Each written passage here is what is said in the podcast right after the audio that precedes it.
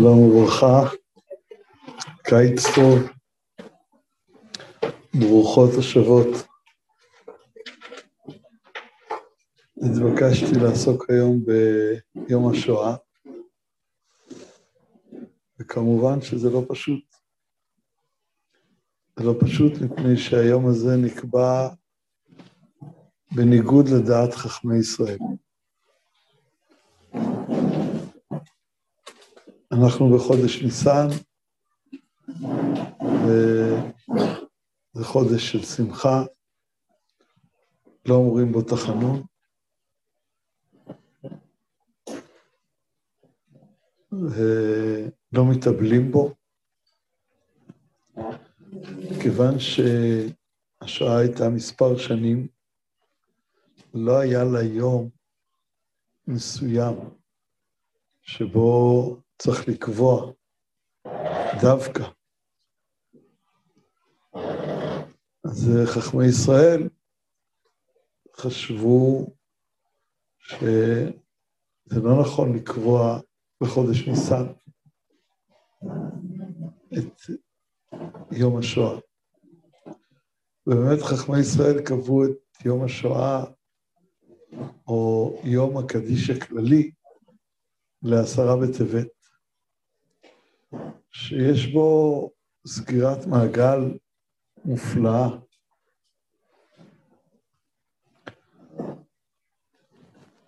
קודם כל, הם לא הסכימו לקבוע יום של תענית, יום נוסף על מה שהיה. מן הסיבה הפשוטה שהיום אנחנו לא מתקנים תעניות חדשות. גם בגלל שאין בכוח חכמי ישראל לקבוע היום תקנות חדשות, וגם מפני שהדורות נחלשו, כל דיני התעניות הוקלו בדורות האחרונים. החוזק שלנו הוא לא כמו שהיה פעם, לכן אה, ממעיטים במשקל של אה, חשיבות הצומות שליוו אותנו במהלך הגלות, ולא מוסיפים עליהם. לכן תיקנו את הזיכרון של השואה ליום שהוא כבר צום. כלומר, יש פה איזה נגטיב. לא רק שלא תקנו בניסן, שהוא זמן של שמחה, אלא כיוון שאין יום מיוחד בשנה, אז חיפשו יום שהוא כבר יום של אבלות, שלא להוסיף עוד אבלות. ודאי לא לפגוע בשמחה.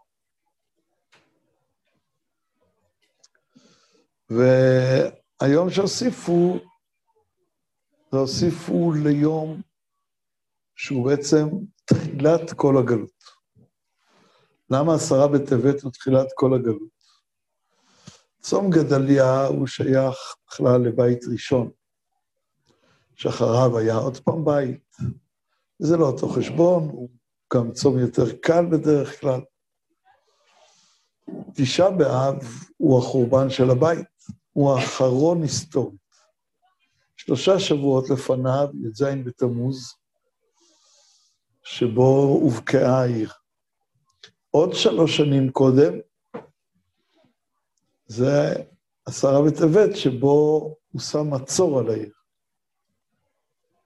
וממילא בעצם, תחילת הגלות, הגלות שאנחנו נמצאים בסיומה של אלפיים שנה, התחילה בעשרה בטבת, ובמידה לא מבוטלת נסתיימה בעשרה בטבת, ביום השואה, ביום הקדיש הכללי. כלומר, הכאב על החותם הנוראי, האיום, המזעזע של הגלות, השואה, סוגר את מעגל עשרה בטבת שנפתח קרוב לאלף, לאלפיים שנה קודם. כן.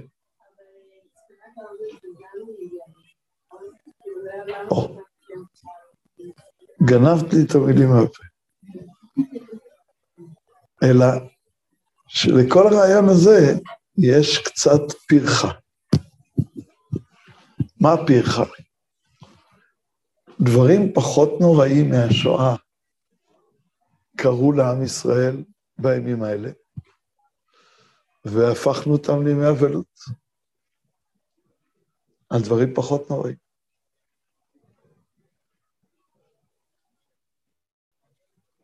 מסעי הצלב היו תמיד בעונה הזאת. צבאות לא היו נלחמים בחורף.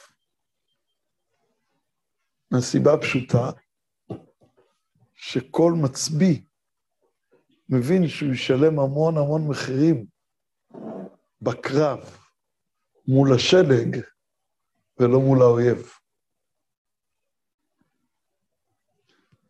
שני הצדדים מאבדים הרבה יותר חיילים אם הקרב נערך בחורף.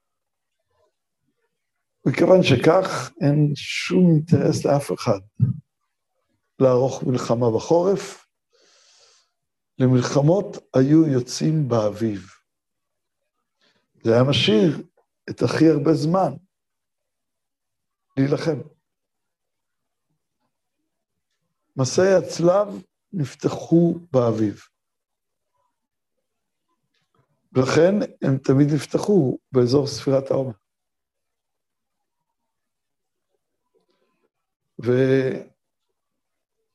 וכשהיינו בגלות,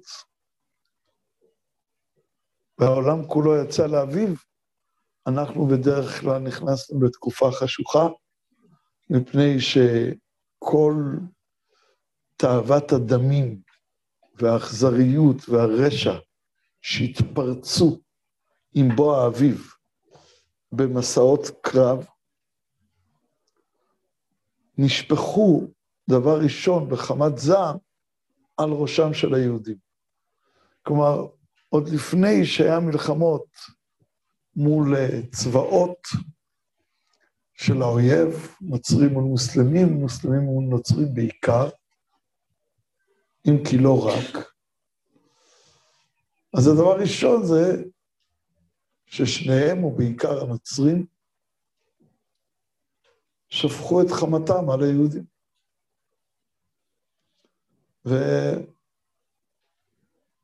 ולכן התקופה הזאת הייתה תקופה מאוד חשוכה במהלך הגלות. זה לא היה פעם ולא היה פעמיים, ולעומת השואה, כאן אנחנו מדברים על התרחשות שתמיד הייתה בעונה הזאת.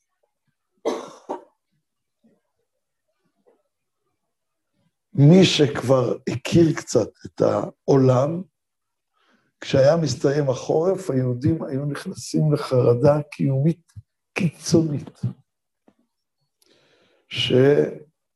שהאביב הביא איתו הרבה מאוד פעמים בשורות איוב. עוד זה מדבר וזה בא. ותקופת ספירת העומר, שזה הפתיחה של עונת הקרבות, פתחה ביהודים. את זה אי אפשר להזיז למקום אחר.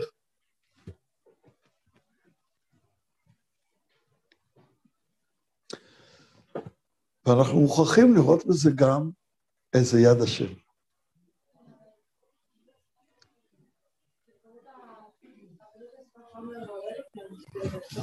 לא שומע.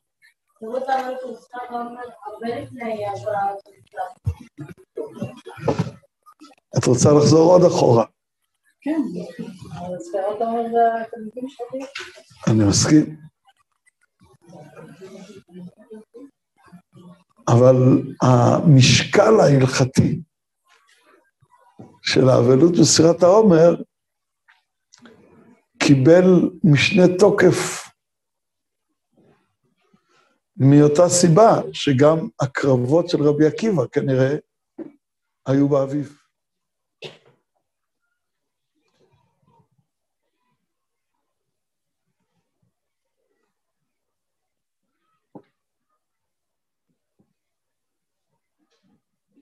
עד כמה המשקל הוא כאן ועד כמה המשקל הוא כאן, זו שאלה שאני לא יודע לתת לה מענה ברור, אבל הגלות המשיכה בזה את אותה טראומה נוראית של אה, רבי עקיבא.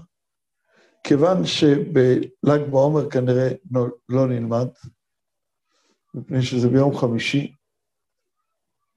באמת לא עסקתי לברר את זה, אבל התחייבתי לדברים אחרים. בכלל לא העליתי על דעתי שיש לימודים בל"ג בעומר. ויש או אין? מה?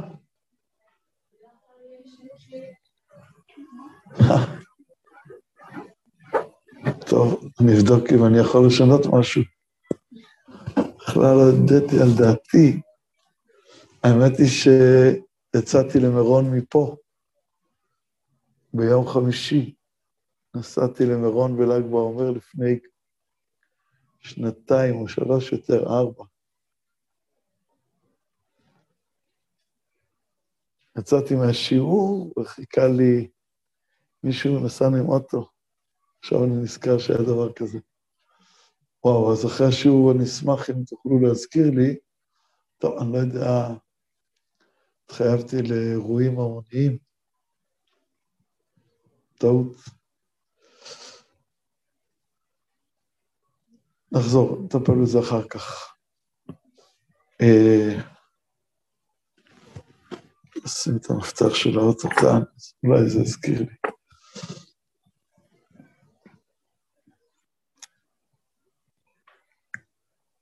בואו נחזור רגע לל"ג בעומר מנקודת המבט הזאת.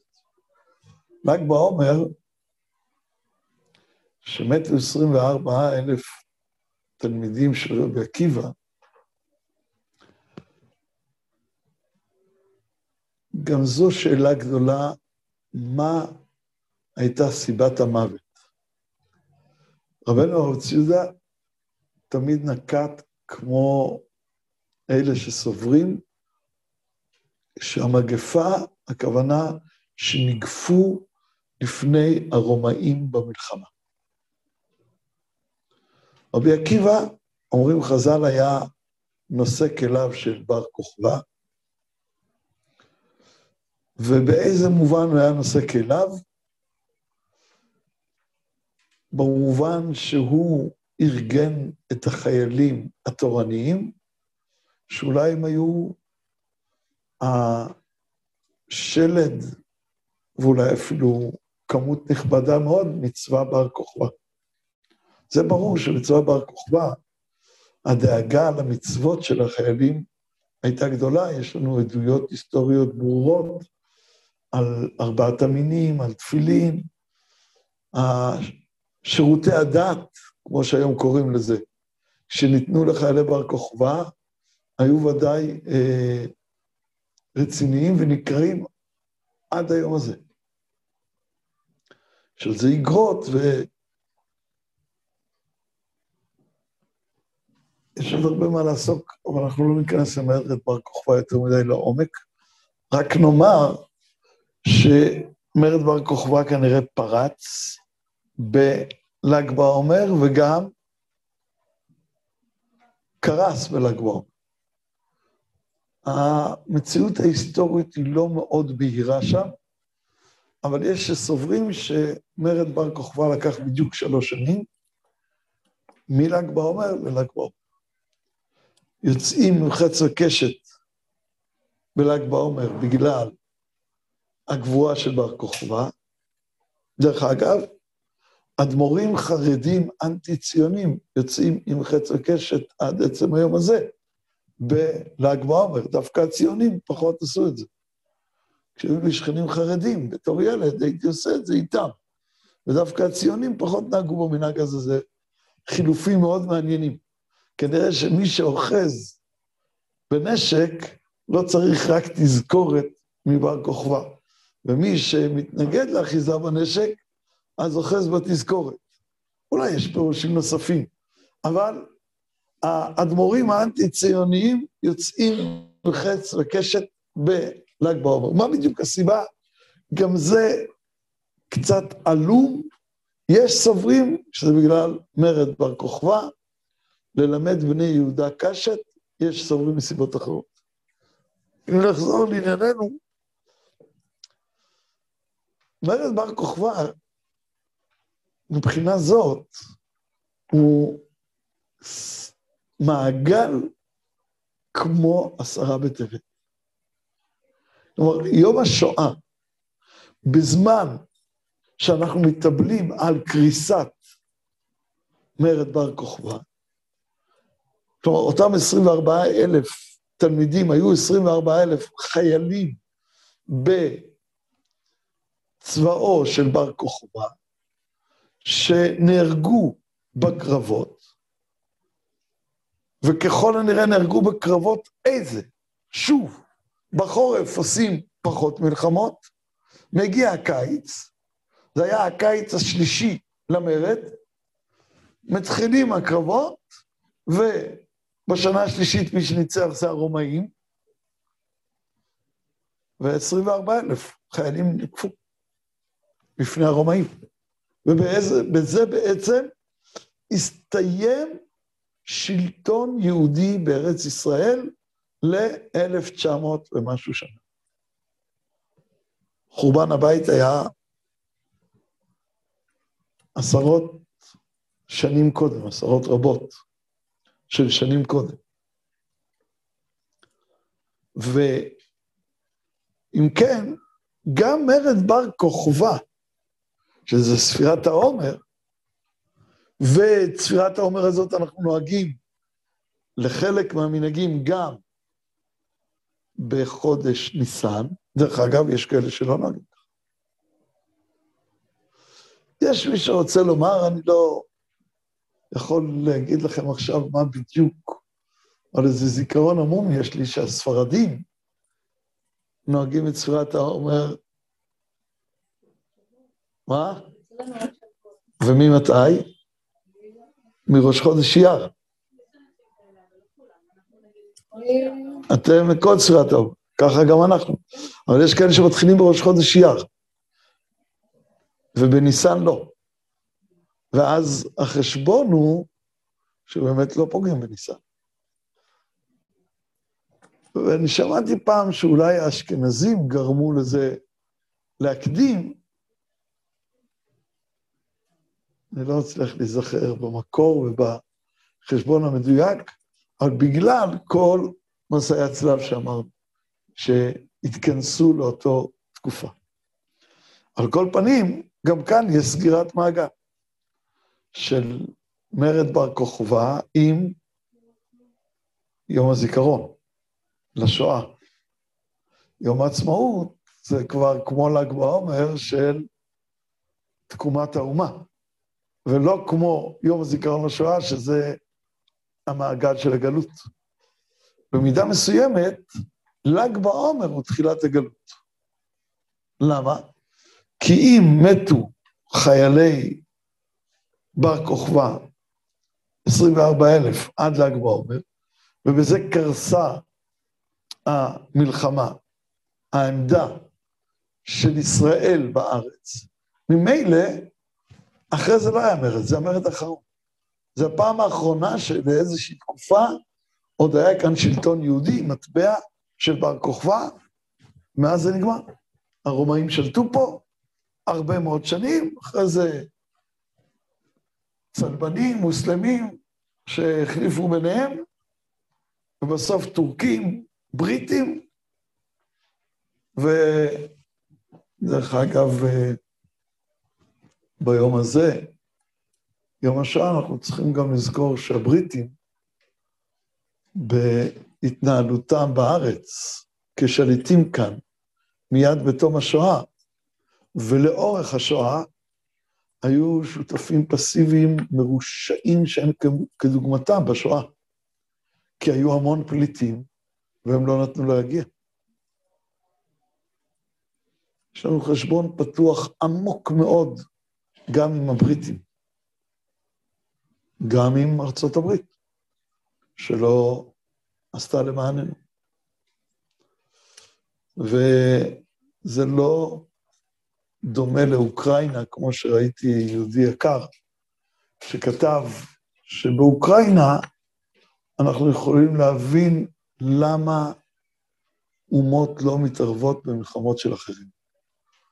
ואני סבור שזו טעות אופטית חמורה, שבגלל חולשה, אה, שאנחנו רואים את עצמנו עדיין בעיניים של הגויים, היא עלולה גם אנשים יקרים לבלבל. ואני רוצה להגיד שתי חשבונות למה אין שום דמיון בין מה שאנחנו ציפינו שארצות הברית תעשה למעננו בזמן השואה, וגם אומות אחרות, בוודאי הבריטים. אני כמעט אומר יימח שמם, רק אני פוחד שההקלטה הזאת תלך למקומות לא טובים. ות, אבל אה, זה מה שרובץ לי בבטן, שלא נתנו פה לפליטים, פליטי חרב להגיע.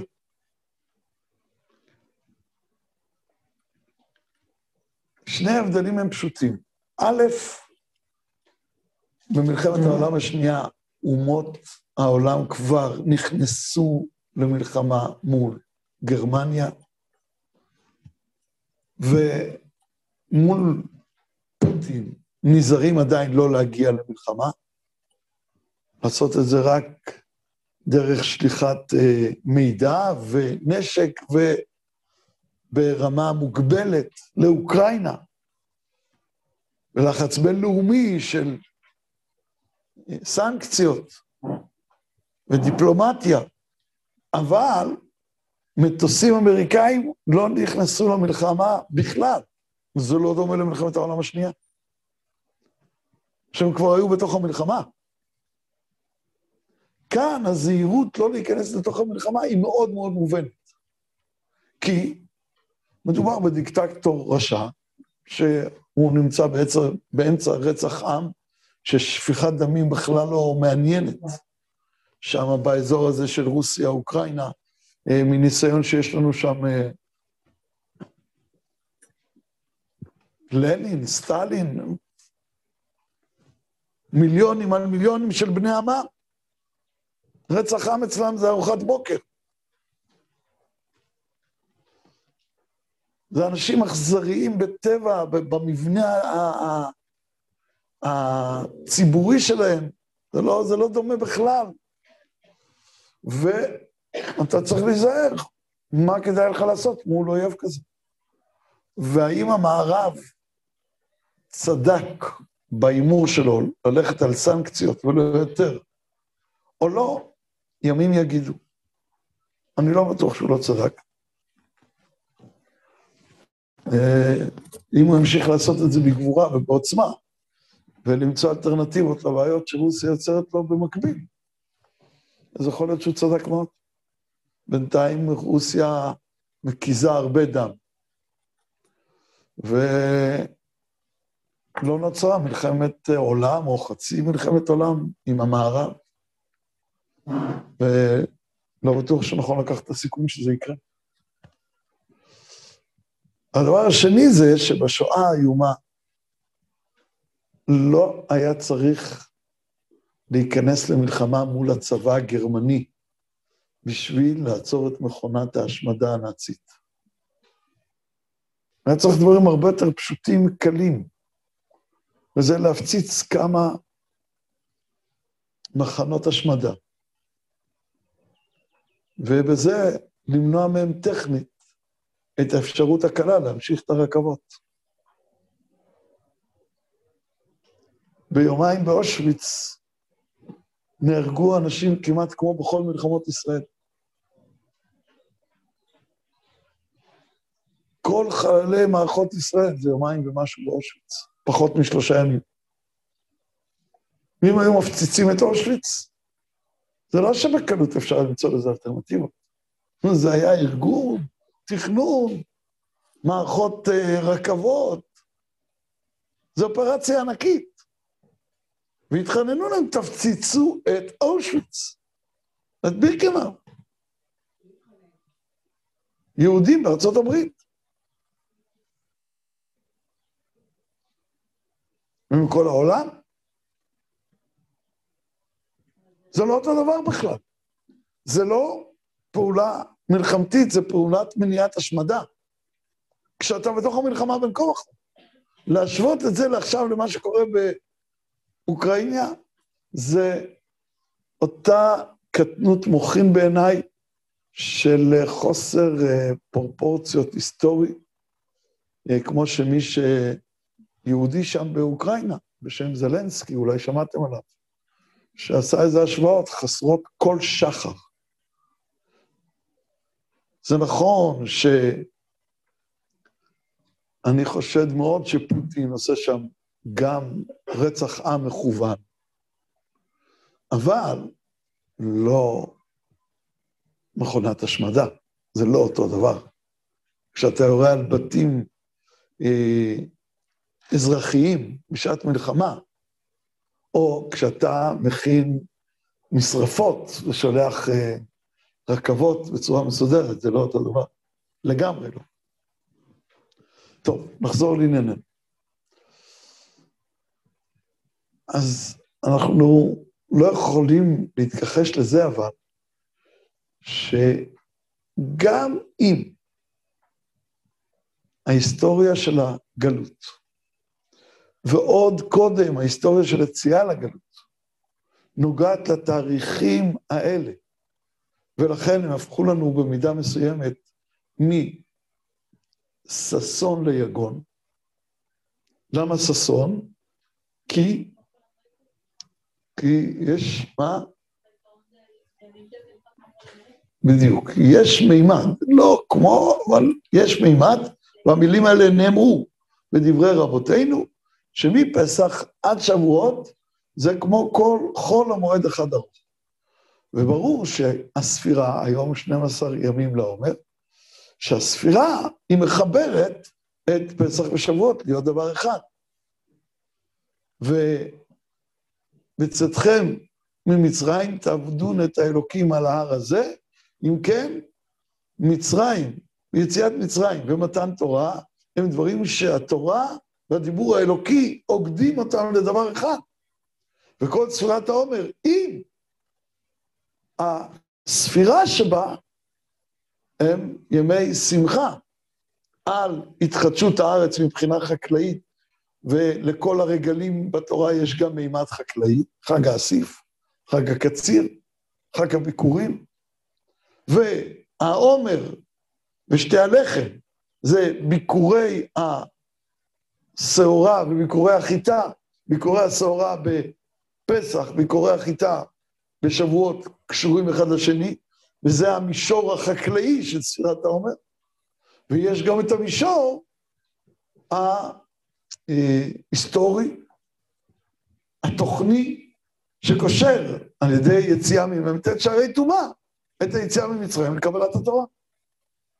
עד כדי שכתוב ברש"י, נדמה לי, הוא המקור הראשון לדבר הזה, שזה בחינת חול המועד מבחינה מסוימת. ודאי לא איסורי מלאכה ולא כל הדברים האלה שיש בחול המועד. זה לא דאורייתא, אבל זה מעין סוג של חול המועד. אז זה נהפך לנו מששון ליגון. והיום אנחנו לא מסתפרים ולא מתחתנים וכולי. ועכשיו נוסף לנו יגון על יגון. למה באמת קבעו את זה בתאריך הזה, אם לא הייתה נוחה דעתם של חכמים? יש... מה?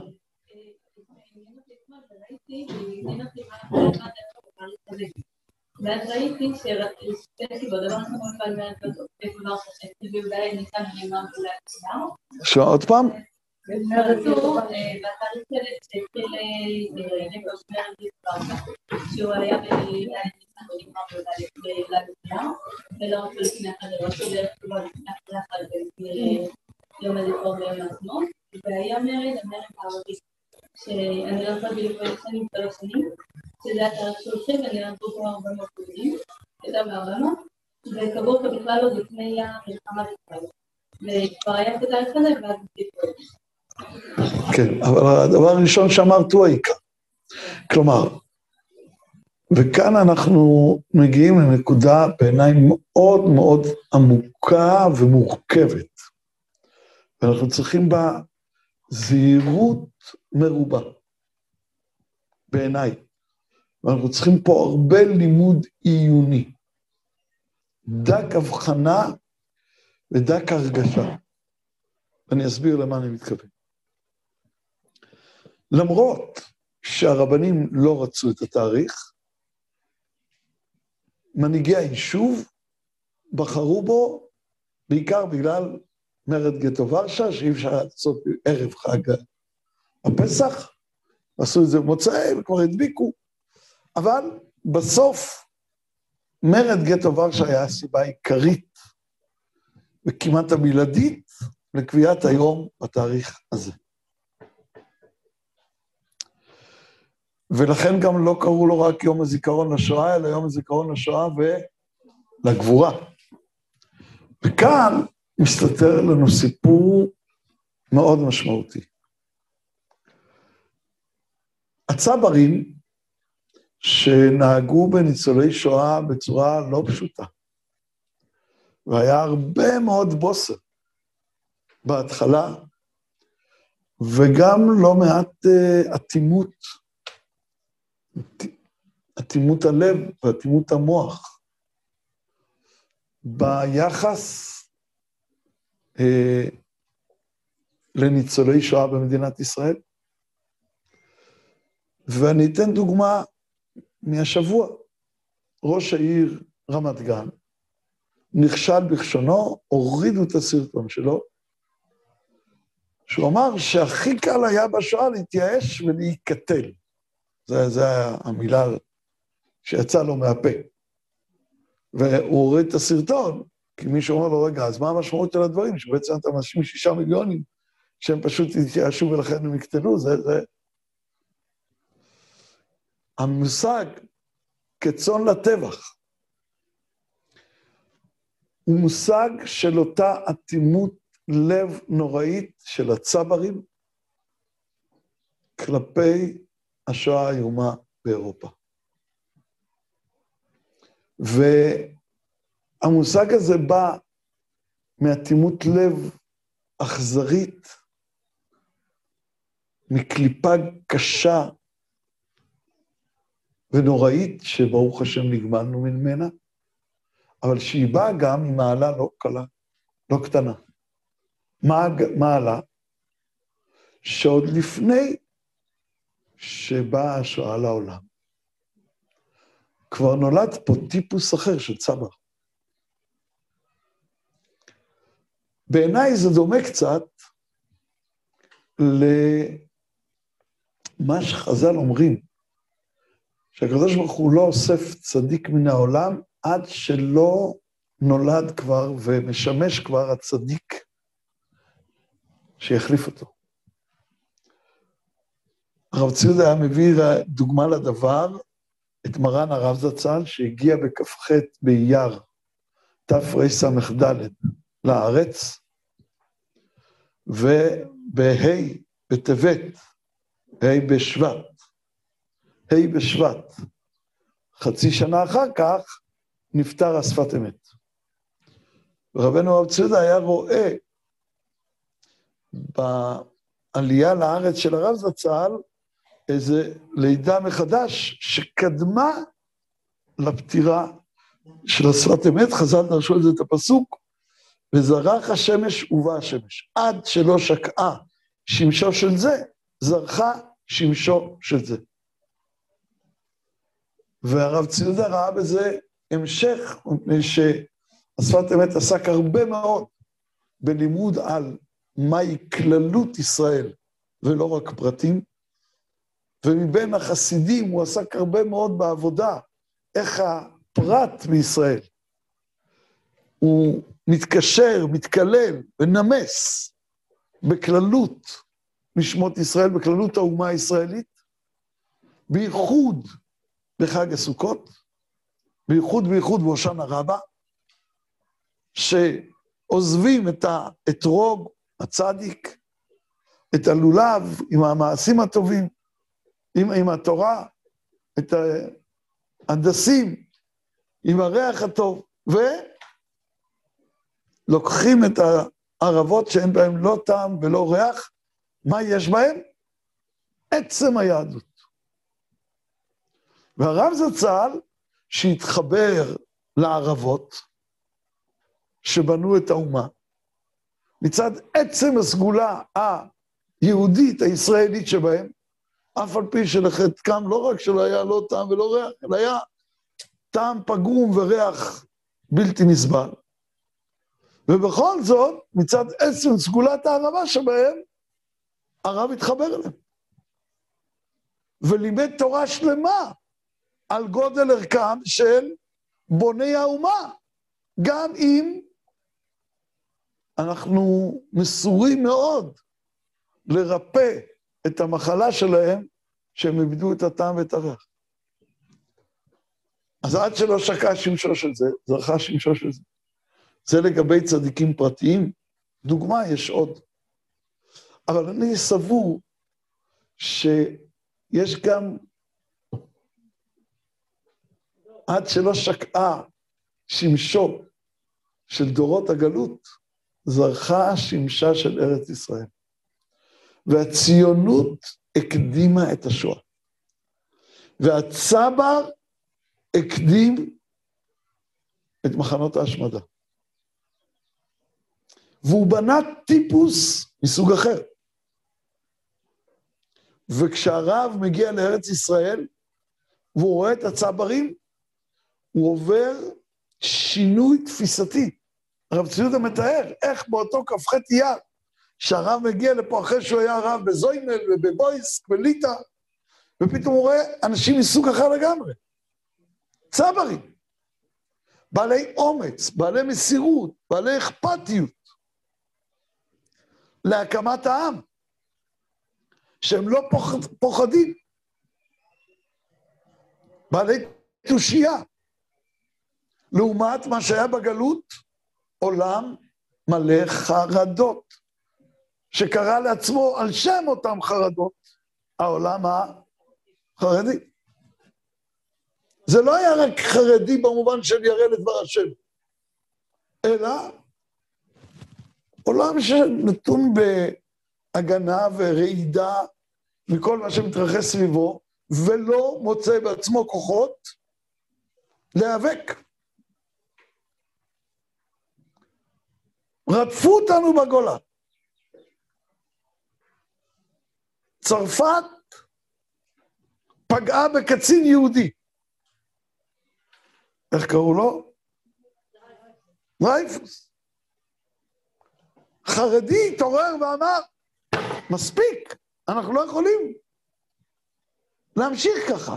חייבים למצוא פתרון לנרדפות של העם היהודי. לא. התעורר ערבה בלי טעם ובלי ריח. הרצל. וכל התנועה הציונית גילתה אומץ לב ומלחמתיות ותושייה ופעילות יזומה לבניין הארץ. וזה חידד מאוד את הפער שבין הדמות שנשארה בגולה לדמות שנולדה פה, וזה גרם גם לדברים לא נעימים. לא נעים לזכור את זה. את הבוז שרכשו הצברים אחרי קום המדינה לניצולי שואה.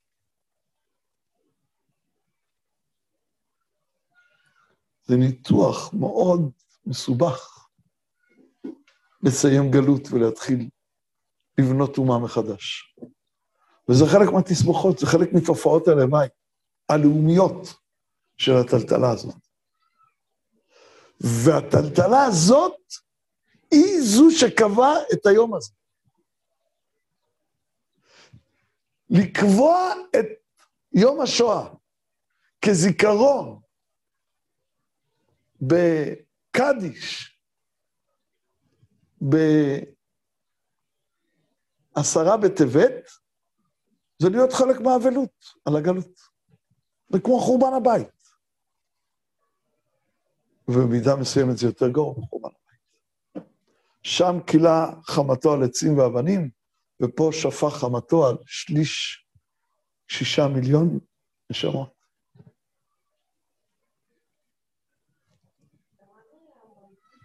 מה?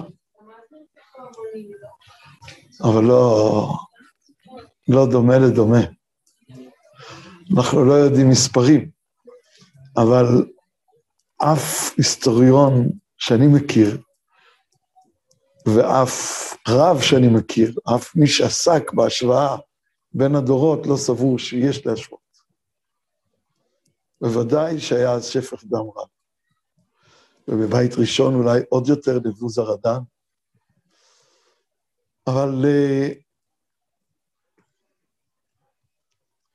לא היה תוכנית השמדה, זה היה חלק ממלחמה ונקמה, אבל תוכנית השמדת עם זה, זה רעיון מטורף מסוג אחר לגמרי. אין לו אח ורע בהיסטוריה.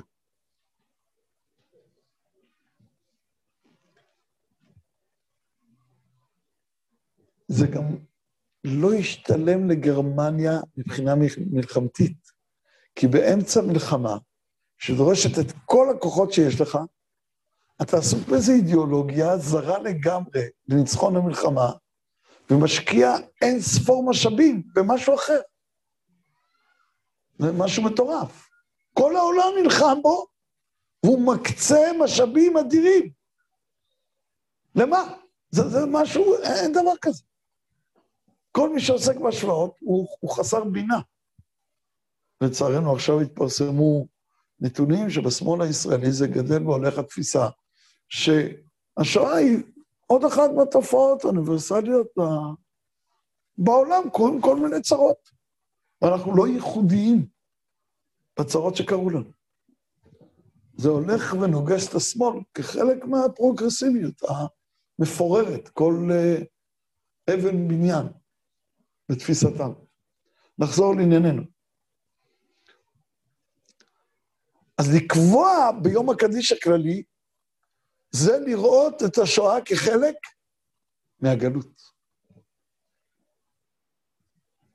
לקבוע את זה בגלל גטו ורשה, זה לקבוע את זה כחלק מהמהפך שבין גלות לגאולה. וגם הסמיכות שהוזכרה כאן. לפני יום העצמאות, לפני יום הזיכרון, לא זוכר אם היסטורית. זה על זה, כן, זה דיברנו כל הזמן. אבל אני לא בטוח שהיסטורית יום הזיכרון לחללי צה"ל נקבע לפני... ליום העצמאות. זה הבנתי. המרד הערבי. אה, וכאן בעצם יש איזו תרופה. אנחנו נכנסים לחודש ניסן, שהוא בעצמו מעורבב לנו. וכאן אני רוצה לחזור לחודש ניסן ולראות ממה הוא מעורבב, וללמד זכות על היישוב היהודי שלמרות שהוא לא עשה כרצון חכמים, ואנחנו ודאי הולכים עם רצון חכמים, אבל אנחנו לא נמנעים מלהרגיש את הכאב יחד עם האומה הישראלית. יש לי ראיה שכך חכמים נהגו. אתמול בערב, כשאשתו, שהשם ישלח לה רפואה שלמה, נמצאת במצב קשה מאוד, הרב הראשי לישראל היה בטקס הזיכרון, כמו כל הרבנים הראשיים לישראל, לאורך כל ההיסטוריה של מדינת ישראל. באמת, אני... יצא לי לשמוע אותו לרגע, נתנו לו להקריא פסוקים, כמנהג לאשכנזי, והרב יצחק יוסף אמר אה, את הקדיש. אתמול אה, גם היה עוד חידוש, שמעתי קצת, שלא נתנו לחזן הראשי של צה"ל להגיד את כן מלא רחמים,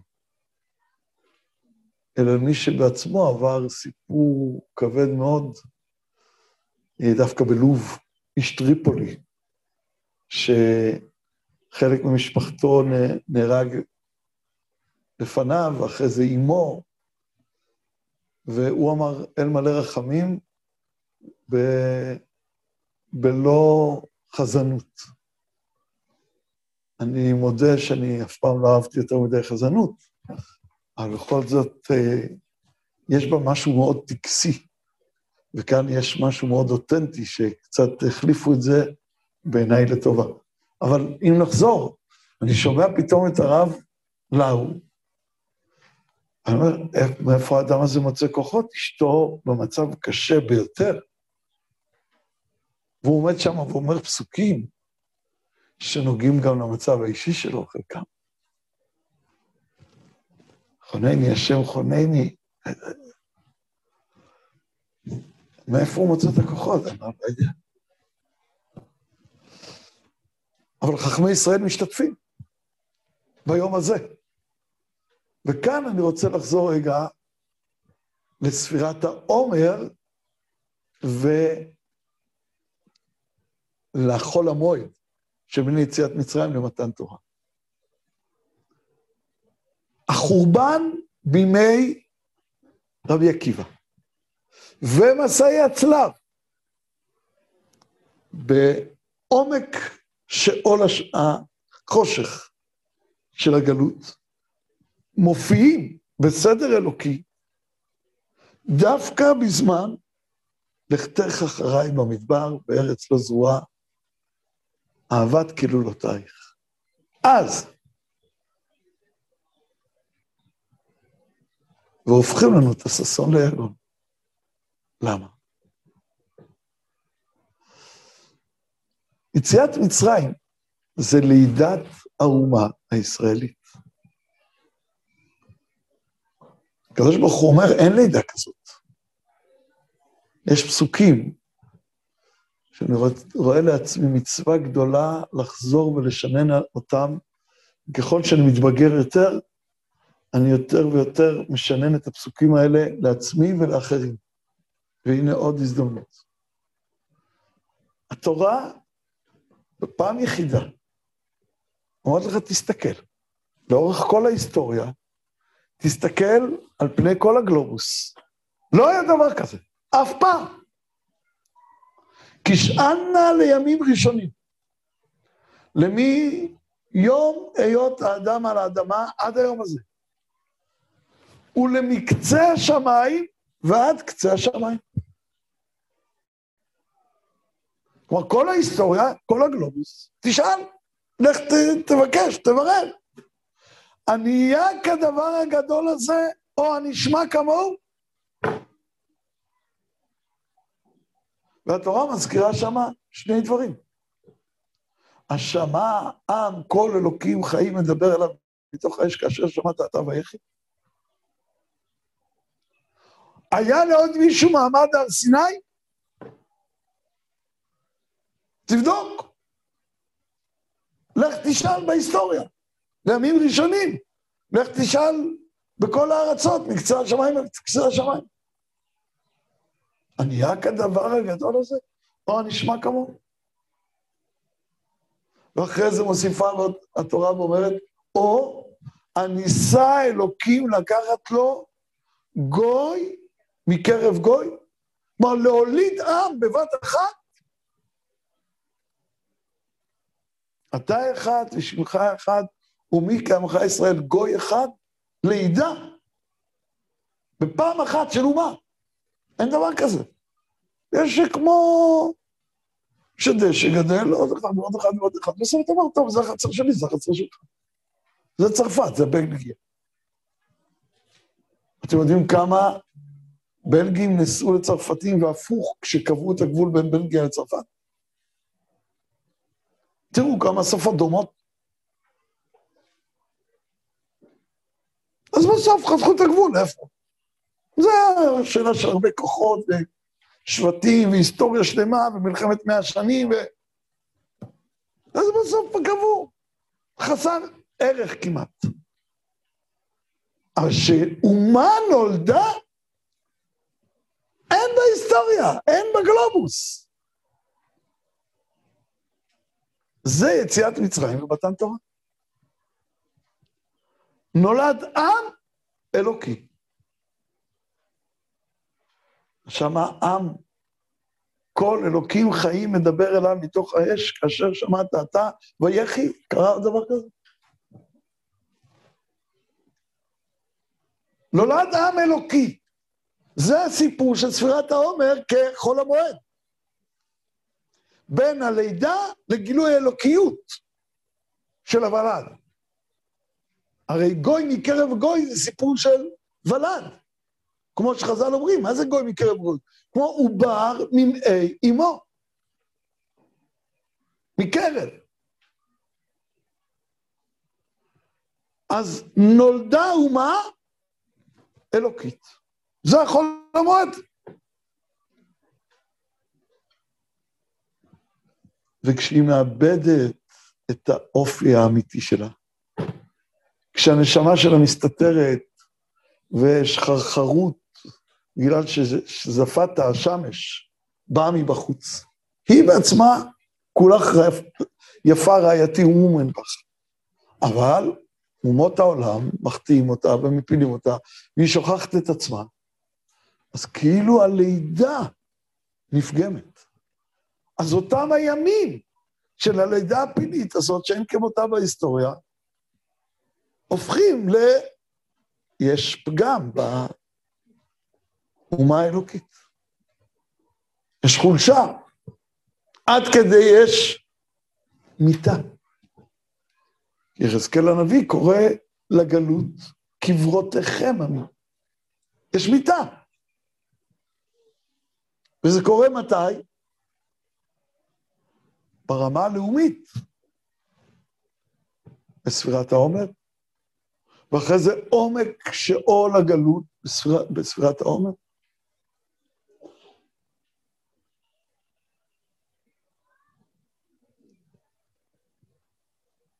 יש עוד חשבונות של החורבן, של המקדש, של ירושלים,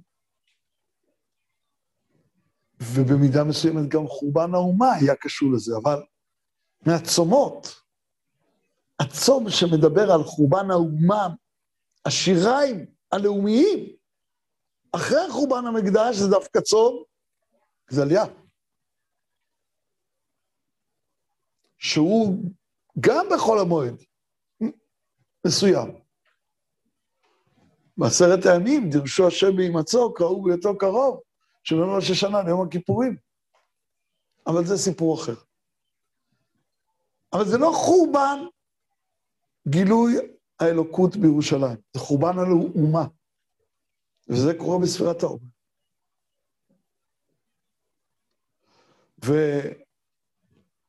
ועומק הגלות היא בספירת העומר יותר מאשר בזמנים אחרים. גם ביטול מרד בר כוכבא וגם האינקוויזיציה, מסעות הצלב, מסעות הצלב, לא האינקוויזיציה. וכשנסגר המעגל, שלא מרצון חכמים, אנחנו לא זוכרים את אושוויץ, לא את תאריך בניית אושוויץ, לא את תאריך פרוץ המלחמה. לא, לא, את מה אנחנו זוכרים? את מרד גטו ורשה. זה עיניים צבריות. זה לא עיניים של גלות. זה עיניים שהיה בהם גם חיסרון. אבל אנחנו לא יכולים להתעלם מהיתרון בהם. זה עיניים שהם לא רק טיפוס אחר שמסתכל על מה שקרה שם.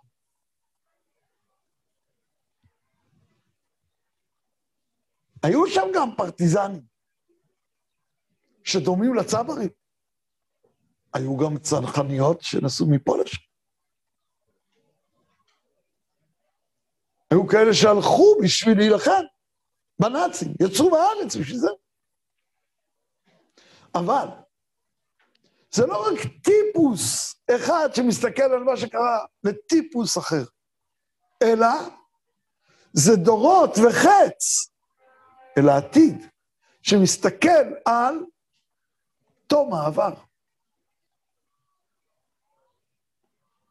ומבחינה זאת, זה אולי מוצא בעומק, עומק, עומק היגון של הגלות, דווקא איזה משהו שמחזיר אותו לנקודת אור של גאולה.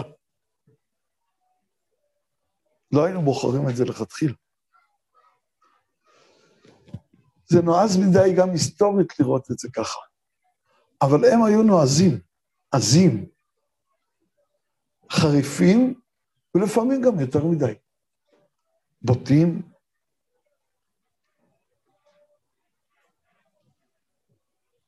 מנקודת מבט כזאת,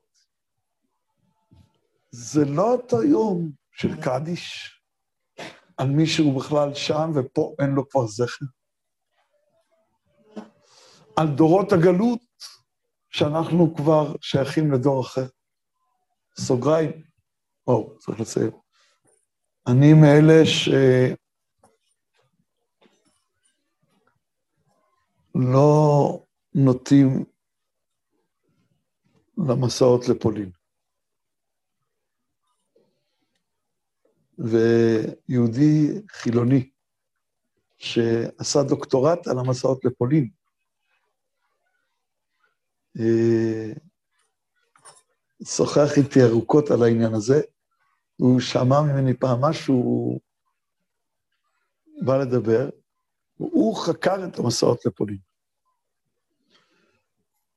והוא מספר משהו שמאוד מתאים לאינטואיציה, שבגללה אני לא מסכים, אני לא נוטה למסעות לפולין. אני מאוד מכבד מי שנעשה, אבל לא מסכים. הוא אמר לי ש...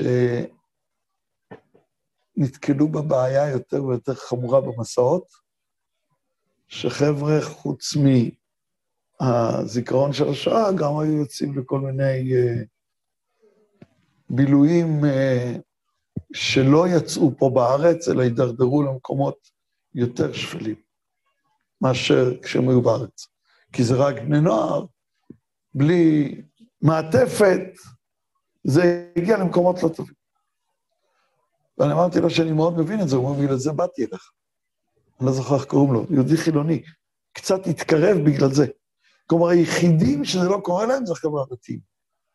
כי הם באים לשם והם נקשרים לתורה שהייתה שם קודם. הם בעצם נקשרים במידה לא מבוטלת לטרום שואה. להמשך אחיזת השתלשלות התורה והקדושה ועבודת השם והבעירה. אז זה חסך להם את השפלות הזאת. ולכן הוא מאוד מאוד עבר לחקור דווקא מה קורה לנו. וגם אצלנו, הוא אומר, יש קצת אה, בשוליים קושי. אבל זה לא דומה. אמרתי לו, אני מבין את זה לגמרי. איך אפשר לחנך דור בריא, אמיץ, פורץ דרך בכל קנה מידה, על uh, משרפות, זה לא... ואם תסתכל על 12 שנות לימוד, מה הטלטלה והעומק החריף ביותר שמוסדות חינוך בסוף מביאים ב-12 שנים לתלמידיהם, זה את uh, צעדת החיים, שברקע שלה אתה שומע צעדת המוות, עם כל המהפך שיש בזה.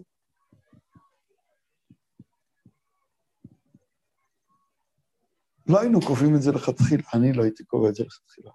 ואם מישהו היה אומר לי את הדרוש, אמרתי עכשיו, כסיבה לקבוע את זה, הייתי אומר לו, תעזוב אותך, מה פתאום, אין דברים כאלה. אבל בגלל שאתה יודע להגיד דרושים, אז בגלל זה עושים דברים כאלה? לא. אבל זה לא היה תלוי בנו, זה נעשה. ונעשה מנקודת המבט הזאת. ואולי אנחנו צריכים להזדהות הרבה עם הכאב שצף, וגם עם התשובה שנעשית כלפי היחס לניצולי שואה, שזה כל הזמן יש אה, איזה... אשמנו בגדנו, ציבורי, שנאמר כל יום הזיכרון, כל הזמן. שלא התייחסנו אליהם מספיק טוב, ואיך אנחנו מתייחסים עכשיו, אם מספיק משקיעים בהם או לא. ומשרד הרווחה או המשרדים מפרסמים כמה ארבעה מיליארד ומאה אלף אה, שקל אה, הוקצו ב... לא יודע, שמעתי את המספר הזה היום בבוקר בדרך, אה, לא, לא שמתי לב להקשר שלו המדויק. וכל זה, זה בגלל שיש כאן נקודת מבט שנוספה, הגבורה. סיום הגלות. וסיום הגלות מתוך הרקע שלא רק שמה שהיה שם הסתיים, אלא שאנחנו נוהגים את היום הזה ממה שנבנה פה. והוא מסתכל דווקא על יכולת למרוד בגלות, שהייתה אפילו בוורשה, בעומק אימי השואה. ובאמת הסיפורים שם הם מדהימים, לא פחות מהגבורה של הקמת מדינת ישראל, או של אה, הבאת כל